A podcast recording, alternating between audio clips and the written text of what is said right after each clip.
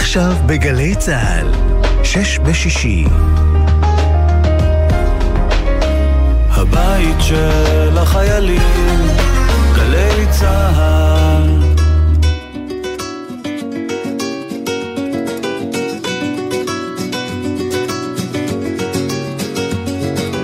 שלום לכם, אנחנו בשש בשישי בגלי צה"ל, אה, אני יורם יובל, אני פסיכיאטר, חוקר מוח, אה, ובשעה הקרובה אני אביא לכם אה, שש הערות, תובנות, מחשבות על השבוע שהיה לנו, חמש על השבוע שהיה ואחת לקראת השבוע הבא.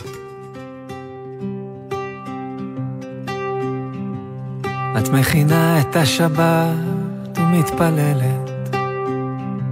אני יכול להסתכל על זה שעות, ואיך את שרה לעצמך ומתביישת, בא לי להיות האיש הזה שמנגן לך. תראי, הפכנו להיות יותר דומים, וגם אם לא תרגשי, תמיד אתן לך את כל החיים.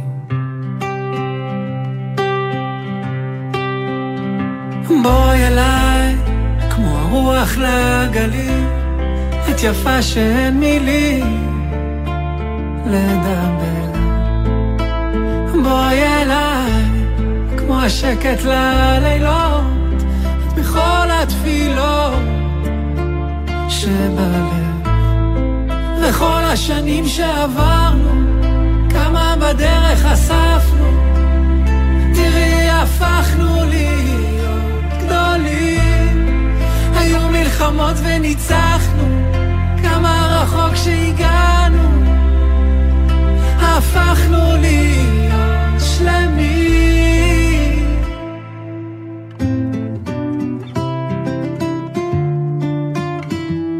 את מבינה אותי הרבה יותר ממני, ורק איתך אני מכיר גם את עצמי. כשתחזרי כל יום, תראי אותי בפתח. אהובתי, אני אומר תודה עלייך. על רגעים פשוטים שאין להם מחיר. וגם כשאת איתי אני חושב עלייך את כל החיים.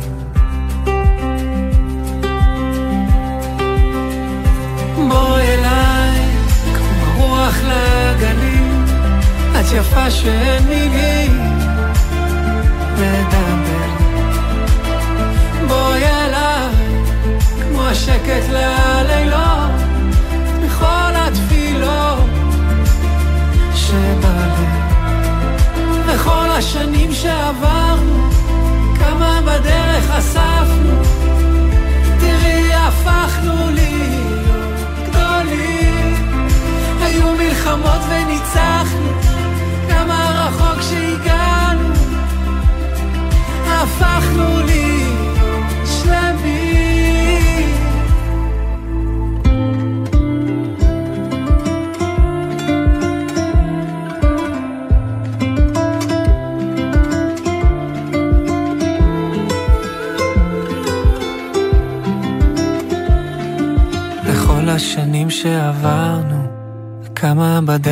אספנו, תראי הפכנו להיות גדולים. היו מלחמות וניצחנו, כמה רחוק שהגענו, הפכנו להיות שלמים. השבוע התחלף אלוף פיקוד העורף. האלוף רפי מילו הוא מפקד פיקוד העורף הנכנס, החדש, הוא מחליף את האלוף אורי גורדין, שכיהן בתפקיד בשנתיים האחרונות, ועתיד להיכנס בחודשים הקרובים לתפקיד אלוף פיקוד צפון. האלוף אורי גורדין היה גם מפקד שלי, ואנחנו תכף נדבר על זה. אז מה יש לי להגיד על זה? יש לי להגיד על זה שאני מאוד מאוד גאה שבגילי המתקדם אני עדיין עושה מילואים בפיקוד העורף. זה לא היה במקור, אני במקור קצין תותחנים, וזה מה שעשיתי הרבה שנים גם במילואים. ואחרי זה כבר הגעתי לגיל שכבר לא עושים מילואים. ואז לפני כמה שנים התקשרו אליי עם פיקוד העורף, וביקשו שאני אבוא לעזור בתחום של מוכנות האוכלוסייה.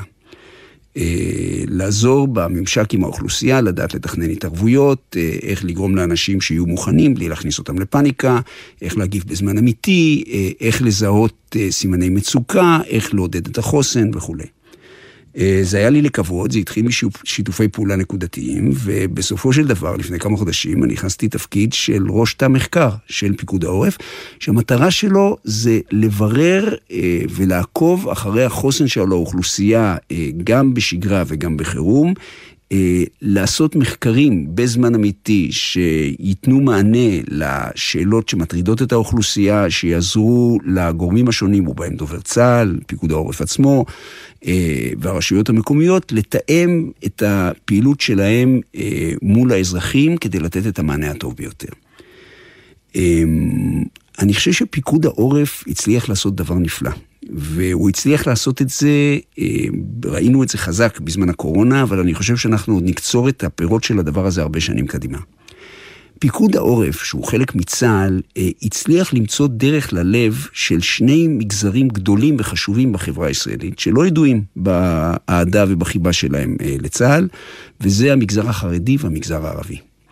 ואני חושב שכולנו יכולים ללמוד, כן, כמה, כמה אפשר לעשות טוב במדינה הזאת כשבאים לאנשים בדרך הנכונה. אה, אני חושב שהמגזר הערבי והמגזר החרדי היום רואים את פיקוד העורף בתור ארגון הצלה, בתור ארגון שהתפקיד שלו זה להציל חיים נטו, והחיילים של פיקוד העורף, עם הכומתות הכתומות שלהם, הם אורחים רצויים בבני ברק ובחצרות האדמו"רים ובכפרים ערבים ובערים המעורבות וכולי, מפני שכולם מבינים שהתפקיד שלנו הוא להציל חיים. ואני חושב שזאת פלטפורמה נהדרת לבנות עליה שיתוף פעולה, לבנות עליה דו-קיום, לבנות עליה את כל הדברים הטובים. ואני אגיד עוד דבר. שאני חושב שפיקוד העורף שלנו, אה, כמו הרבה דברים ישראלים, הוא יצירה יחידנית. יש אה, רק אחד כזה בעולם. לכל מדינה שמכבדת את עצמה יש איזושהי זרוע צבאית שקשורה למצבי חירום. אה, בעורף, במגזר האזרחי, אבל אני חושב שרק אצלנו בישראל זה באמת דבר שמקיף את כל המגזרים, שמשתתפים בו אנשים אה, מכל התחומים. אה, אני יכול להגיד לכם שאצלנו בענף אוכלוסייה בפיקוד העורף, אה, יש לנו אנשים שהם רבנים והם קציני מילואים בצה"ל, יש אנשים כמוני שהם חוקרים מהאקדמיה והם קציני מילואים בצה"ל, יש אה, אנשים מהמגזר הערבי שבאים ומשרתים בצבא במילואים כדי לתווך אה, את העבודה מול המגזר הערבי, ובסך הכל אנחנו רואים פה עוד דוגמה שבה צה"ל ממלא את התפקיד הישן שלו בתור להיות חלק מהדבק שמחזיק יחד את כל החברה הישראלית, על כל המורכבות ועל כל המגוון הגדול שלה. וזאת הזדמנות להגיד uh, תודה רבה והצלחה בהמשך הדרך לאלוף אורי גורדין, והרבה הרבה הצלחה לאלוף רפי מילו, uh, שנכנס עכשיו לתפקיד החדש.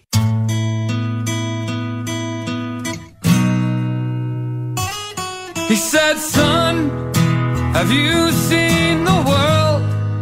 Well, what would you say if I said that you could just carry this gun? You'll even get paid. I said that sounds pretty good. Like leather boots, spit shine so bright. They cut off my hair, but it looks alright. We marched down, we sang, we all became friends as we learned how to fight. A hero of war, yeah, that's what I'll be. And when I come home, they'll be damn proud of me. I'll carry this flag to the grave if I must, cause it's a flag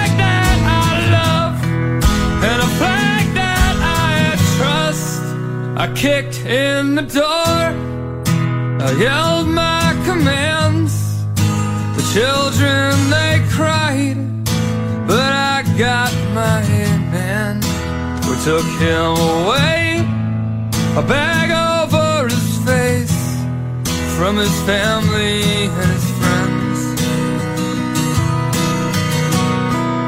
They took off his clothes clenched in his hands. I told them to stop, but then I joined in. We beat him with guns and batons, not just once, but again and again. A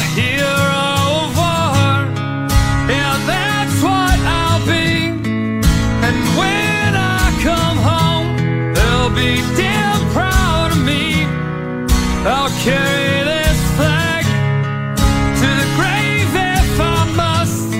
Cause it's a flag that I love and a flag that I trust.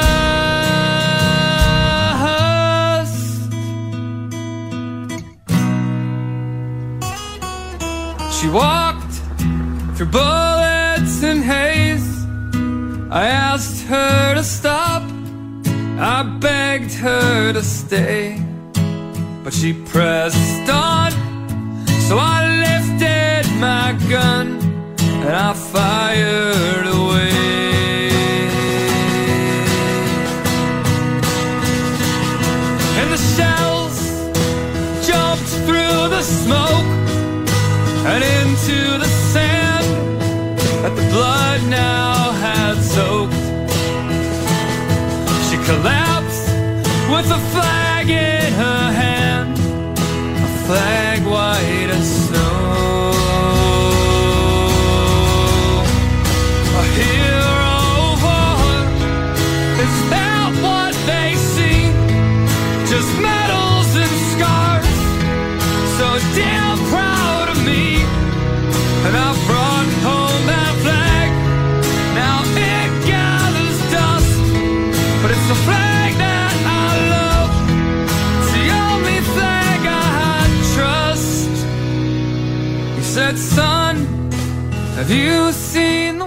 ועוד דבר טוב שקרה השבוע, הערה שנייה. אה, סעודיה התירה לחברות תעופה ישראליות לטוס מעל השטח שלה, והצעד הזה יקשר בצורה משמעותית את הטיסות למזרח, וכנראה גם יאפשר למוסלמים מישראל להגיע בטיסות ישירות למכה. עכשיו, תראו איך, איך המזרח הרחוק יתקרב אלינו, כן? אה, טיסה להודו, חמש שעות וחמש עשרה דקות במקום כמעט שמונה שעות, כן? עכשיו לטוס להודו זה אותו זמן, אפילו טיפה יותר קצר מאשר לטוס ללונדון. תאילנד, שמונה שעות אה, וחצי במקום 11 שעות ויותר. אוסטרליה, כן, 15 וחצי שעות במקום 17 שעות. אלה דברים מדהימים. ואני חושב שזה מאוד מאוד יעזור לכל התרמילאיות והתרמילאים, שזה אתם, חיילי צה"ל אחרי צבא, אה, שתצאו לטיולים שלכם למזרח. אה, וגם כאן יש לי סיפור נחמד, אה, כי אני כל כך זקן, שבתקופה שבה אני עשיתי את הטיול אחרי צבא שלי, זה היה עדיין לא מקובל אה, לצאת למזרח או לדרום אמריקה. אבל אני השתחררתי כבר לפני הרבה מאוד שנים, והשנה הייתה 1981, כשידידי היקר, שהיה גם איתי, קצין בתותחנים, מוישה גולדשטיין ואני, יצאנו לטיול שלנו למזרח. הייתה לנו בעיה. והבעיה היא שבאותו זמן להודו לא היו קשרים דיפלומטיים ישירים עם ישראל.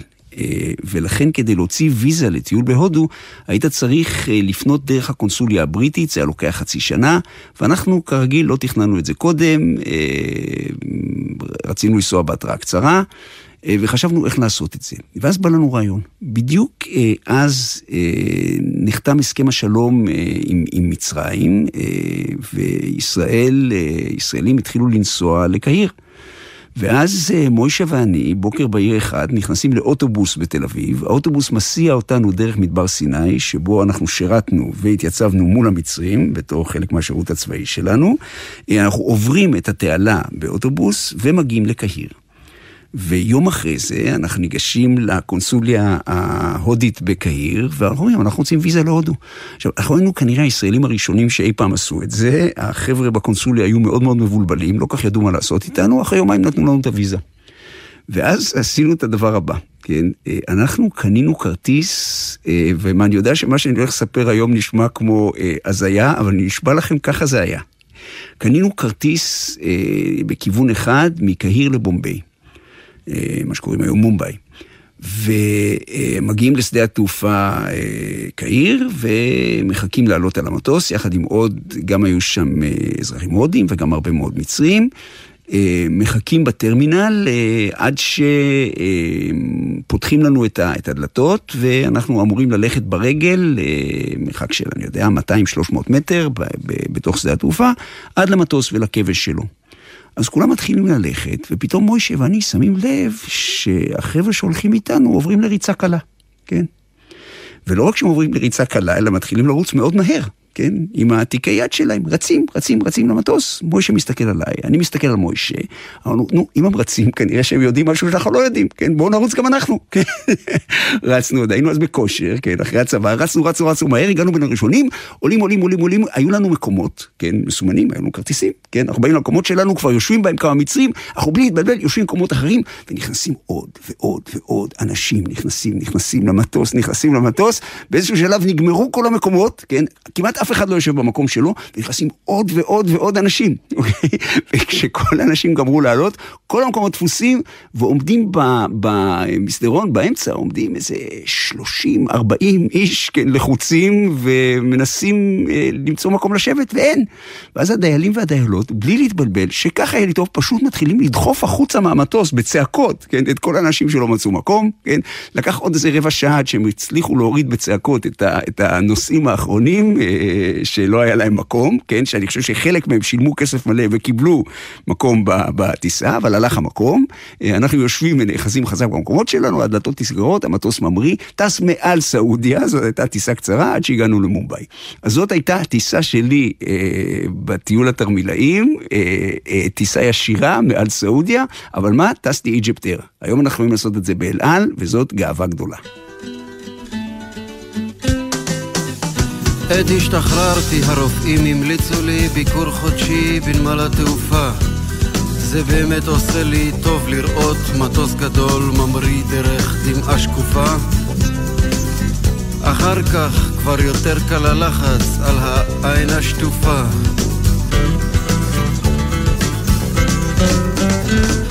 לוקח לי אחר הצהריים חיובי, נוסע לנמל. לעצמי אני אומר בדרך גם מזה עוד נצטרך להיגמל. עצמי עונה לי בהגיינו אז נתחיל כל יום להתעמל. טרמינל שתם I love you טרמינל בלמיה הדלתות מנחשות אותי ונפתחות לי מעצמן. אני נכנס לאט עם הרבה טקס בישבן. וכל האינטרקונטיננטליה מדגדגת לי כאן וכאן וכאן. לוקח את עצמי לשירותים להירגע. גונב איזו הצצונת בראי, רואה שם משוגע חתיכות כמו טרמינל, רבות יש מסוגה.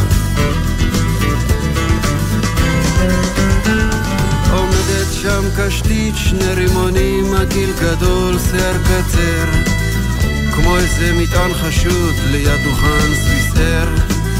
קצין הביטחון תוקע במבט חודר. שתם I love you טרמינל בלמיה רץ ללוח הטיסות למצוא לי המראה. יש טיסה לציריך דרך רומא עוד שעה. רמקולים מנומסים נותנים לי התראה. כאן בצד פתאום אני מרגיש כמו הפרעה. הולכת ונלחצת לי החוצה הכרעה.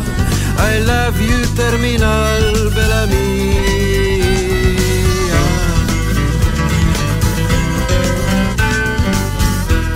רץ בחזרה סוויסרה להספיק את טרמינל חתיכות כמוה אתה מדפדף בכל ז'ורנל אך היא כבר לא שם, קצין הביטחון כנ"ל. רמקולים מנומסים עם טון יותר תקיף. אני צריך כבר לעלות למעלה להשקיף. כאן בצד זה כל הזמן הולך ומחריף. כמעט בלי נשימה אני נתקל במעקה. אור שקיע גדול בסנוורים אותי מכה. בואינג של סוויסר, מחליק עוצר ומחכה. בואינג הדמדם מתחיל לרוץ ומתרומם, לאט לאט ממריא אל תוך האודם ההומם, דרך הטמעה של הליצן המשתומם.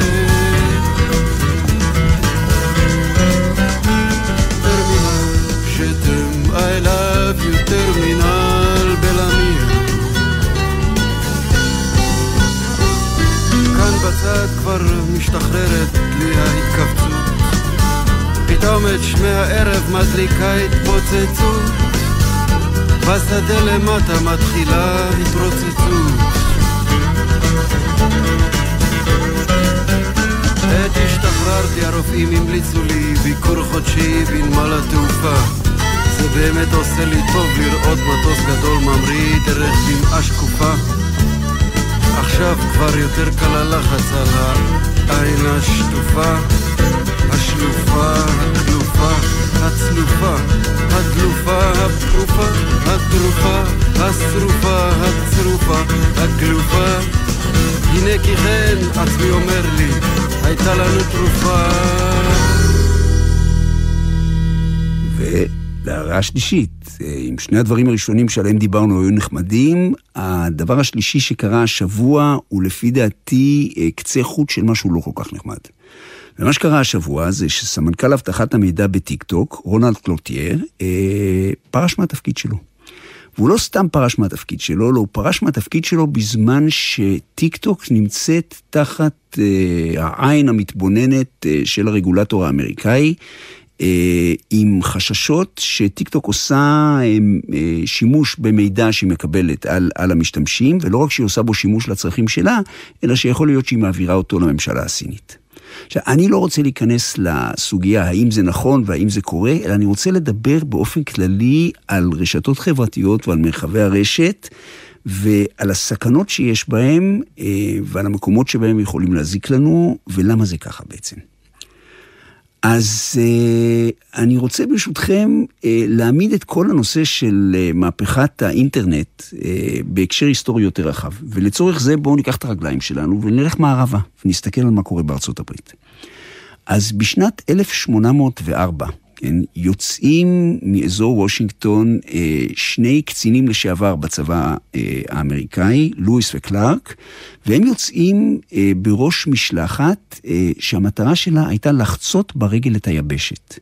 אה, ארצות הברית באותו זמן הייתה רק על החוף המזרחי של ארצות הברית, עד הרי האפלאצ'ים, אבל האבות המייסדים של ארצות הברית הבינו שבעצם הפוטנציאל הגדול לארצות הברית נמצא מערבה, והם שולחים אותם בתור משלחת שהמטרה שלה בעצם למפות את אה, הדרך מערבה אה, וללמוד להכיר אותה. ואחרי מסע רב תלאות של אני חושב כמעט שנתיים, הם בסופו של דבר מגיעים לחוף האוקיינוס השקט, באורגון של היום, ושם באה בסופו של דבר ספינה ומחזירה אותם בתור גיבורים לניו אה, יורק ווושינגטון.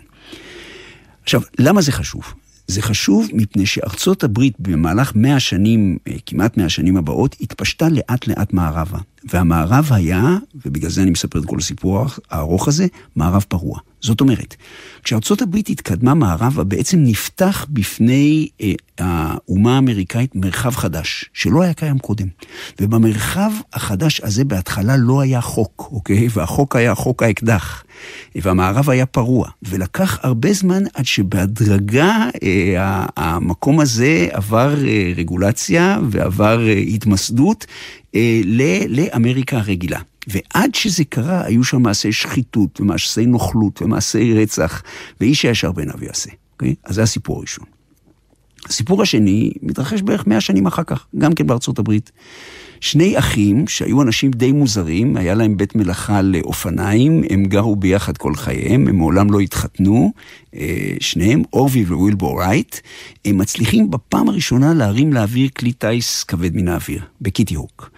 ונפתח עידן חדש, נפתח עידן התעופה. עכשיו, למה אני מספר את הסיפור הזה? מפני שעד 1903, אוקיי, אף מדינה לא חשבה שהיא צריכה לנהל את האוויר שנמצא מעל הראש שלה. אז כשאנשים חשבו על מדינה כמו אנגליה או ארה"ב או קנדה, אנשים חשבו במונחים יבשתיים, מה יש על היבשה? ואף אחד לא שאל את השאלה מי שולט באוויר ומי יקבע, כן, מי יעוף ומי לא יעוף באוויר. מדוע? כי המרחב הזה לא היה קיים קודם. אוקיי? תוך זמן מאוד קצר מבינים בארצות הברית ומבינים בכל העולם שאם אנחנו לא נשתלט על המרחב האווירי, יתחילו להיות תאונות מטוסים. ומדינות מבינות שיש פה משאב חדש, כן, המרחב האווירי, ושצריך לנהל אותו. ואני רוצה להזכיר לכם שהיום מרחב אווירי, מדינות מגינות עליו אה, בחירוף נפש, אה, אה, לא סובלות כניסה של גורמים זרים לתוך המרחב האווירי, ובתוך המרחב האווירי יש כללי תעבורה מאוד מאוד מוגדרים, יש בקרי טיסה, יש מגדלי פיקוח, וכל התעופה מוסדרת. ו... הדבר לשים אליו לב בהקשר הזה, זה שעוד פעם, היה פה איזשהו מרחב, כן, המרחב הזה היה לא מפוקח לחלוטין, ופתאום התברר שחייבים להשתלט עליו. ועכשיו אני מגיע למהפכה השלישית, וזאת מהפכת האינטרנט. מהפכת האינטרנט היא מהפכה לא פחות גדולה מאשר פריצת ארצות הברית למערב, לעניות דעתי, או אה, פתיחת המרחב האווירי. האינטרנט הוא מרחב חדש שלא היה קיים קודם. והדבר הזה הוא מדהים, מפני שהיום האינטרנט מאפשרת ליותר ממחצית תושבי כדור הארץ להיות בקשר באופן פוטנציאלי עם כל אדם אחר. מעל ארבעה מיליארד איש, כן, ב...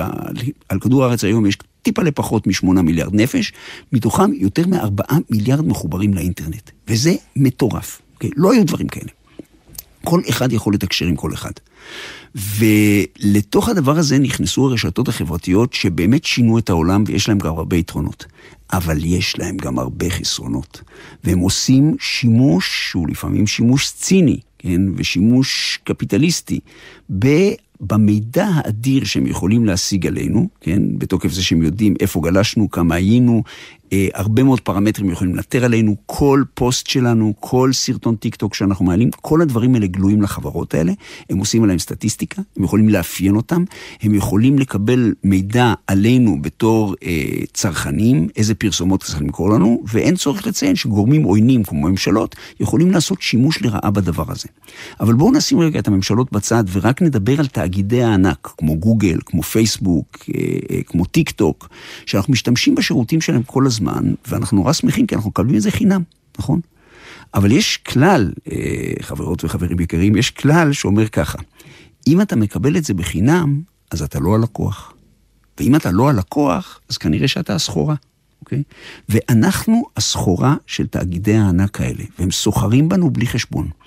ואנחנו רואים את זה למשל בהקשר של טיק טוק בתופעות שהן תופעות גרועות, והן בעצם תופעות לוואי של העובדה שהרשתות האלה מתירות לעשות הכל. ראינו את זה גם בפייסבוק, שתעמולה והסתה ודברים איומים, כן, אה, עוברים בפייסבוק, ופייסבוק לא מגיבה כל כך מהר בלהוריד אותם מהרשת. אותו סיפור בטיק טוק, לצרכים של שיימינג, לצרכים של אה, לקחת דברים שהם בצנעת הפרט אה, ולהפיץ אותם בתפוצת נאט"ו לכל העולם.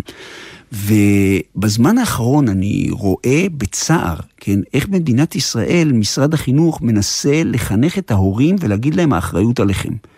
אז מה אני חושב בהקשר הזה? ודאי שהאחריות עלינו. האחריות היא על כל אחד מאיתנו, לשמור על, על ביטחון המידע שלו, לחשוב על מה הוא מעלה לרשת ומה הוא לא מעלה לרשת.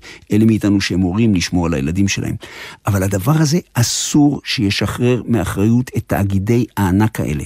ותאגידי הענק האלה יעשו שימוש לרעה במידע האדיר שהן מגייסות אלינו, עד שלא תהיה רגולציה. וזאת הנקודה החשובה. כמו המערב הפרוע. כמו המרחב האווירי, אני חושב שזה תפקידו של המחוקק, ובמקרה שלנו המחוקק הישראלי, להגביל בעזרת חקיקה את הכוח של אה, תאגידי הענק האלה, שבאמת עושים בנו כבתוך שלהם, כשלא תמיד האינטרסים שלנו הם לנגד עיניהם, אלא הרווחים שלהם. אנחנו יודעים שיש לזה הרבה מאוד השפעות על uh, בריאות של ילדים, על תופעות כמו דיכאון ושיימינג בגיל ההתבגרות uh, וכולי. וכל הדברים האלה הם תוצאה של חוסר רגולציה. ואני מנצל את ההזדמנות הזאת כדי להגיד לכן ולכם שהפתרון אה, הוא לחץ שאנחנו נפעיל על המחוקקים שלנו, שהם יעשו רגולציה לתאגידי הענק האלה, שהיום הם מגלגלים תקציבים בסדר גודל של מדינות, והדבר היחיד שמעניין אותם זה שורת הרווח שלהם למשקיעים שלהם. אה, אם לא נשתלט על המרחב הזה, אז ימשיך להיות שם מערב פרוע כמו שיש עכשיו.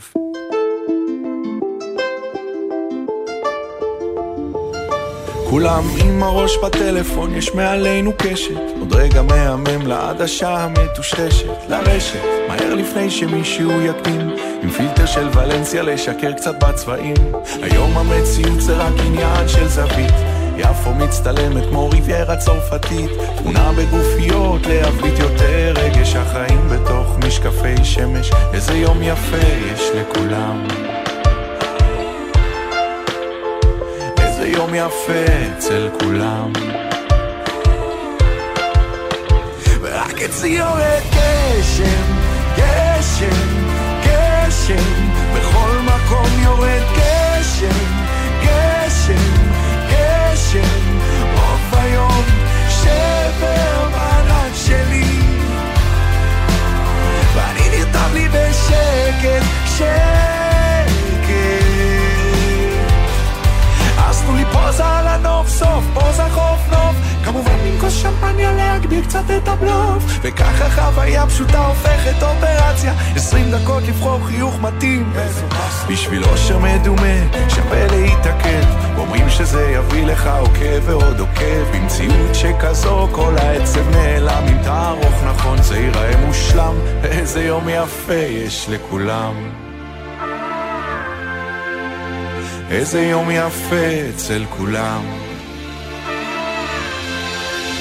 רק אצלי יורד גשם, גשם, גשם, בכל מקום יורד גשם, גשם, גשם, רוב היום שבר בענק שלי, ואני לי בשקט, שקט.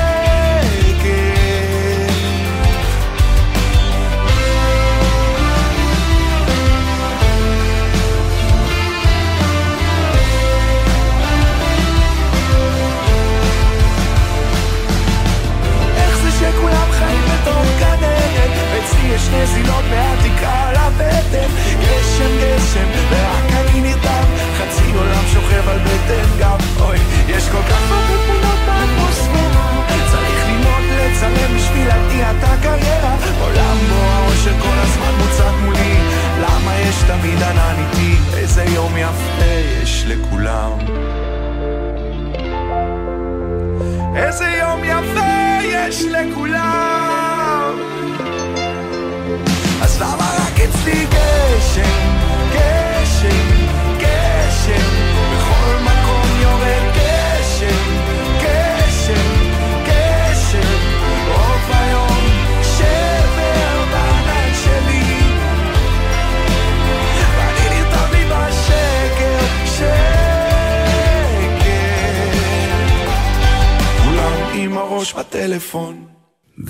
ולהערה הרביעית, אה, הנה משהו נפלא שקרה השבוע.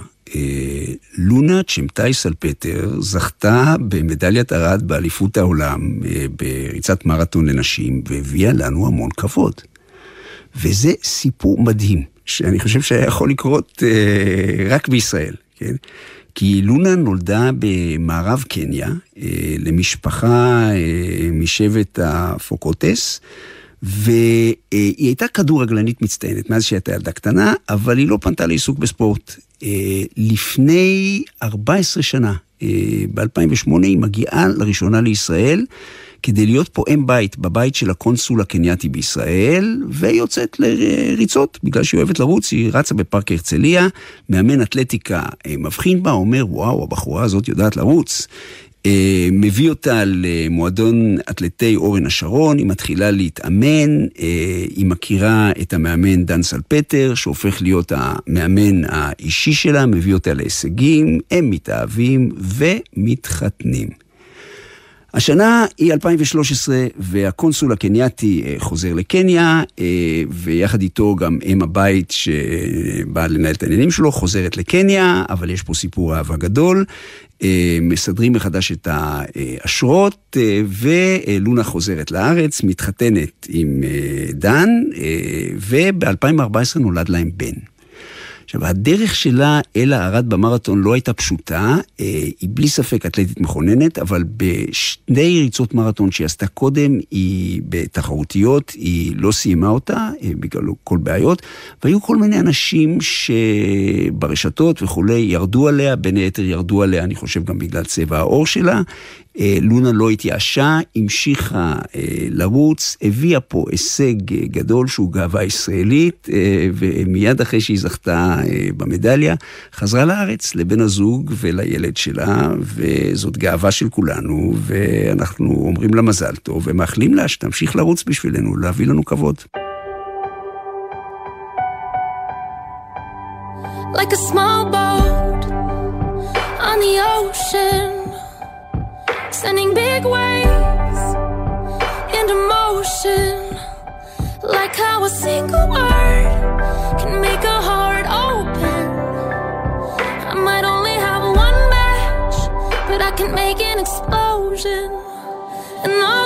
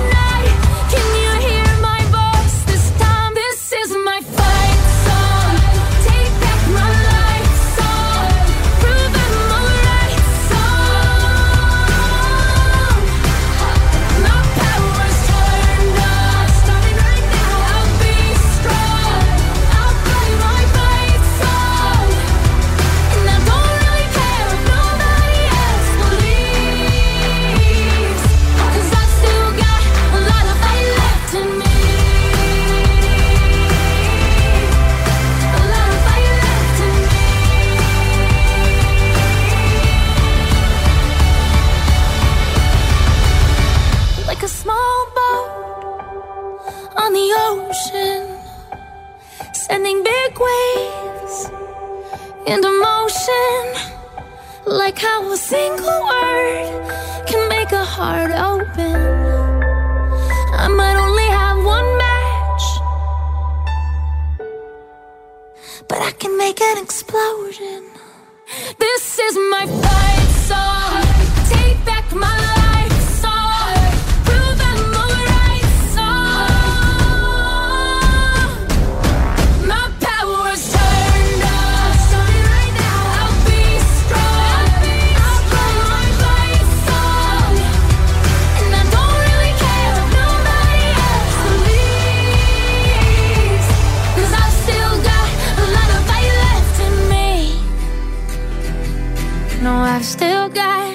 Fight left in me. והגענו להערה החמישית, ועוד דבר נפלא שקרה השבוע זה ג'נפר לופז ובן אפלק התחתנו, ואנחנו מוחאים כפיים, אומרים מזל טוב ומנגבים דמעה.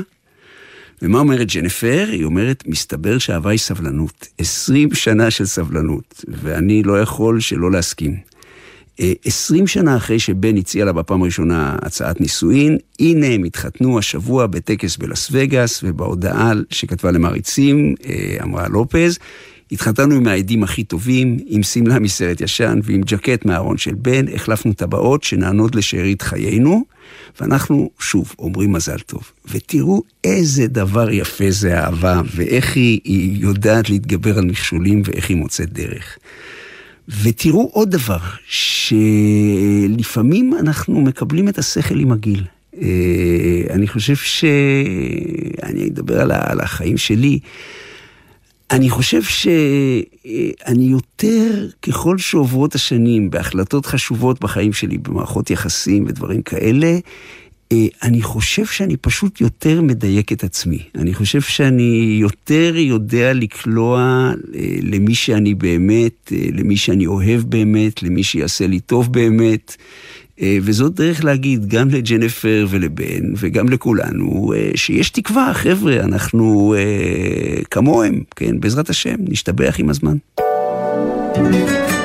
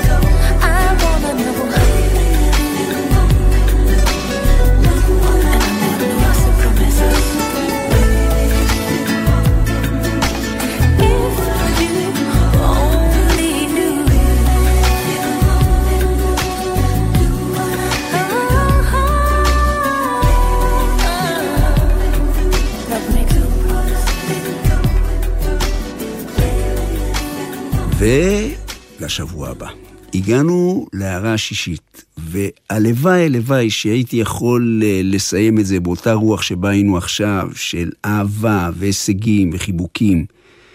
אה, אבל כשאני מסתכל על השבוע הבא, אני רוצה לבקש מכן ומכם, כל מי שמקשיבה ומקשיב לי, אנחנו מתקרבים למערכת בחירות, ומערכת הבחירות הזאת הולכת להיות לא פשוטה. ולאור מה שראינו כבר בשבועות האחרונים, אני מפציר בכם ואני מבקש מכם, אל תלכו בדרך של פוליטיקאים רבים אצלנו, שמנסים ומצליחים לגרוף הון פוליטי על ידי ליבוי שנאה. שנאה בין יהודים ליהודים, שנאה בין יהודים לערבים, שנאה בין חרדים לחילונים, סדרה בין אשכנזים ומזרחים. שנאה זה סחורה שעוברת לסוחר ומניבה מנדטים בקלפי. אבל השנאה היא מעוורת, והיא מעוותת והיא משחיתה. היא אם כל חטאת. והשנאה תגרום לאנשים טובים, אנשים שבאמת אנשים טובים והגונים, לעשות מעשים איומים.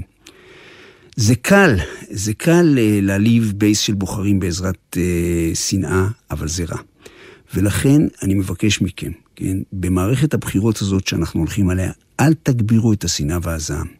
במינונים גבוהים הם מזיקים לנו, והם הופכים אותנו לבני אדם פחות טובים ולאומה פחות טובה.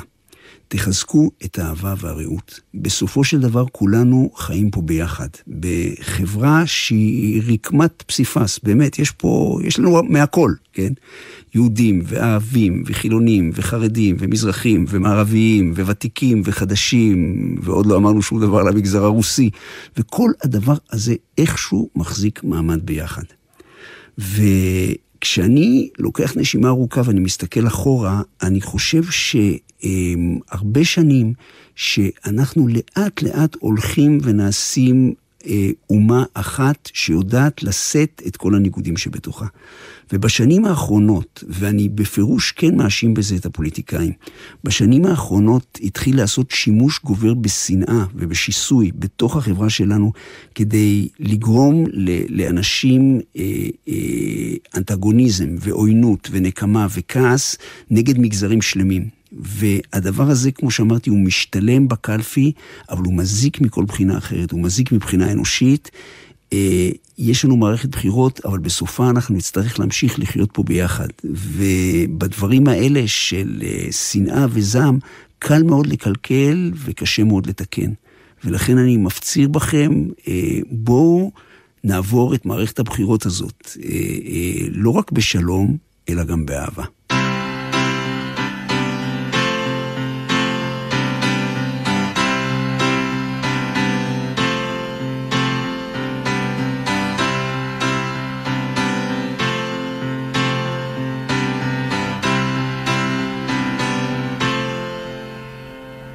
שאמות משהו ממני משהו ממני ימות בך. ימות בך. שתמות משהו ממך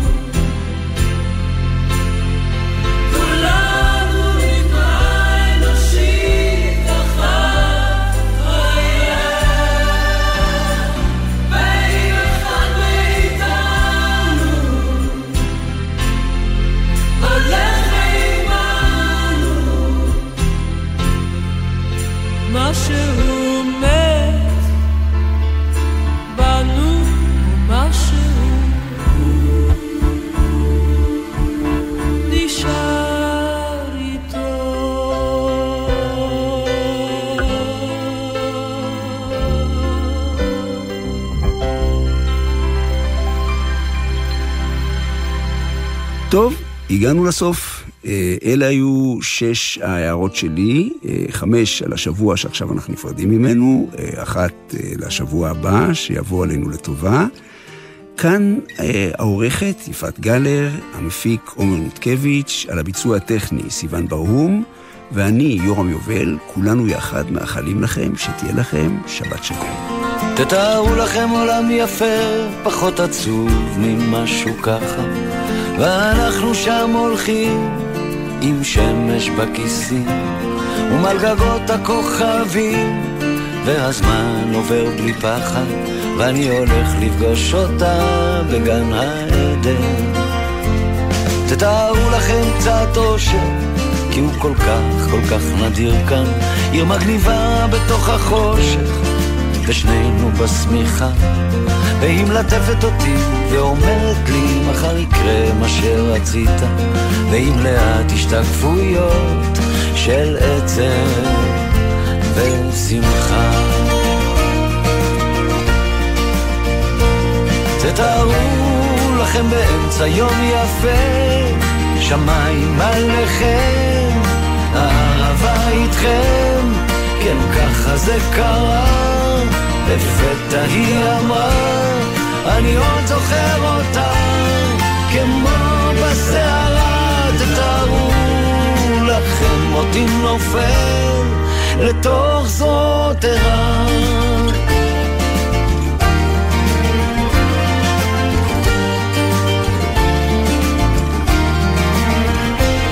תתארו לכם עולם פשוט, חדר ללילה, בית בגשם, ריחות עצים מלאים בתות, ושנינו שיכורים. אם ניפרד אני אמות, היא לוחשת וגועשת, תתארו לכם עוד הזדמנות לחזור פתאום לנעורים. תארו לכם את החיים זזים אחורה וקדימה מה שחסר שהוא מתמלא מה שהיה פתאום ישנו ואני מביט לתוך עיניה ונגנב בכוח פנימה. תתארו לכם אותנו מגשימים את כל החלומות. תתארו לכם באמצע יום יפה שמיים עליכם, הערבה איתכם, כן ככה זה קרה, לפתע היא אמרה, אני עוד זוכר אותה, כמו בסערה, תתארו אותי נופל לתוך זרועותיה.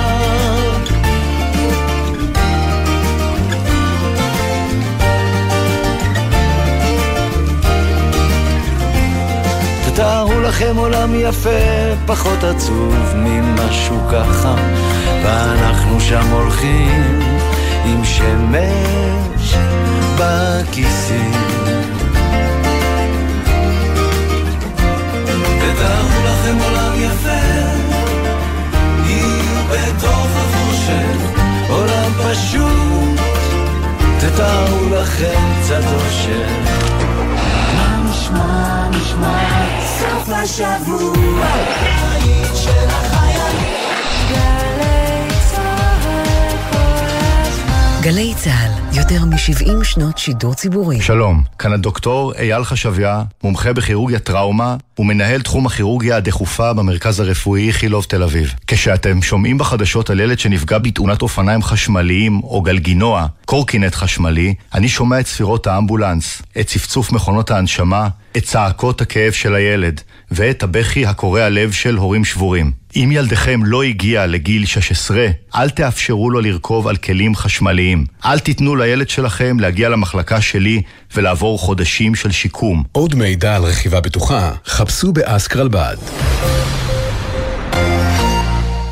שאלות אישיות, שמעון אלקבץ בשיחה אישית עם העיתונאי והסופר גדעון אלון, על ספרו החדש, מתחככים. לא מתחככים. חברי הכנסת גם מתחככים זה בזה, קרובים זה לזה בעבודתם. ובתוך המתחככים מתחבא גם מילה ח"כים. מחר, שמונה בבוקר, גלי צה"ל. כל שבת ב-10 בבוקר, יורם סוויסה לוקח אתכם למסע מוזיקלי. והשבוע, מסע עם יזהר אשדוד. מצד אחד, אתה יודע, היינו רוקרים, ופתאום מצאנו את עצמנו מתפרנסים מדיסקו וגם מתחילים להתאהב בזה. היו אנשים שמאוד לא קיבלו את זה, ואני אומר, כן, אני חצוי בין שני העולמות האלה, ושילבנו ביניהם. מסע עם יורם סוויסה, מחר, 10 בבוקר, ובכל זמן שתרצו, באתר וביישומון גלי צה"ל. אתם עם גלי צה"ל. עקבו אחרינו גם בטוויטר. מיד אחרי החדשות, ליאור פרידמן.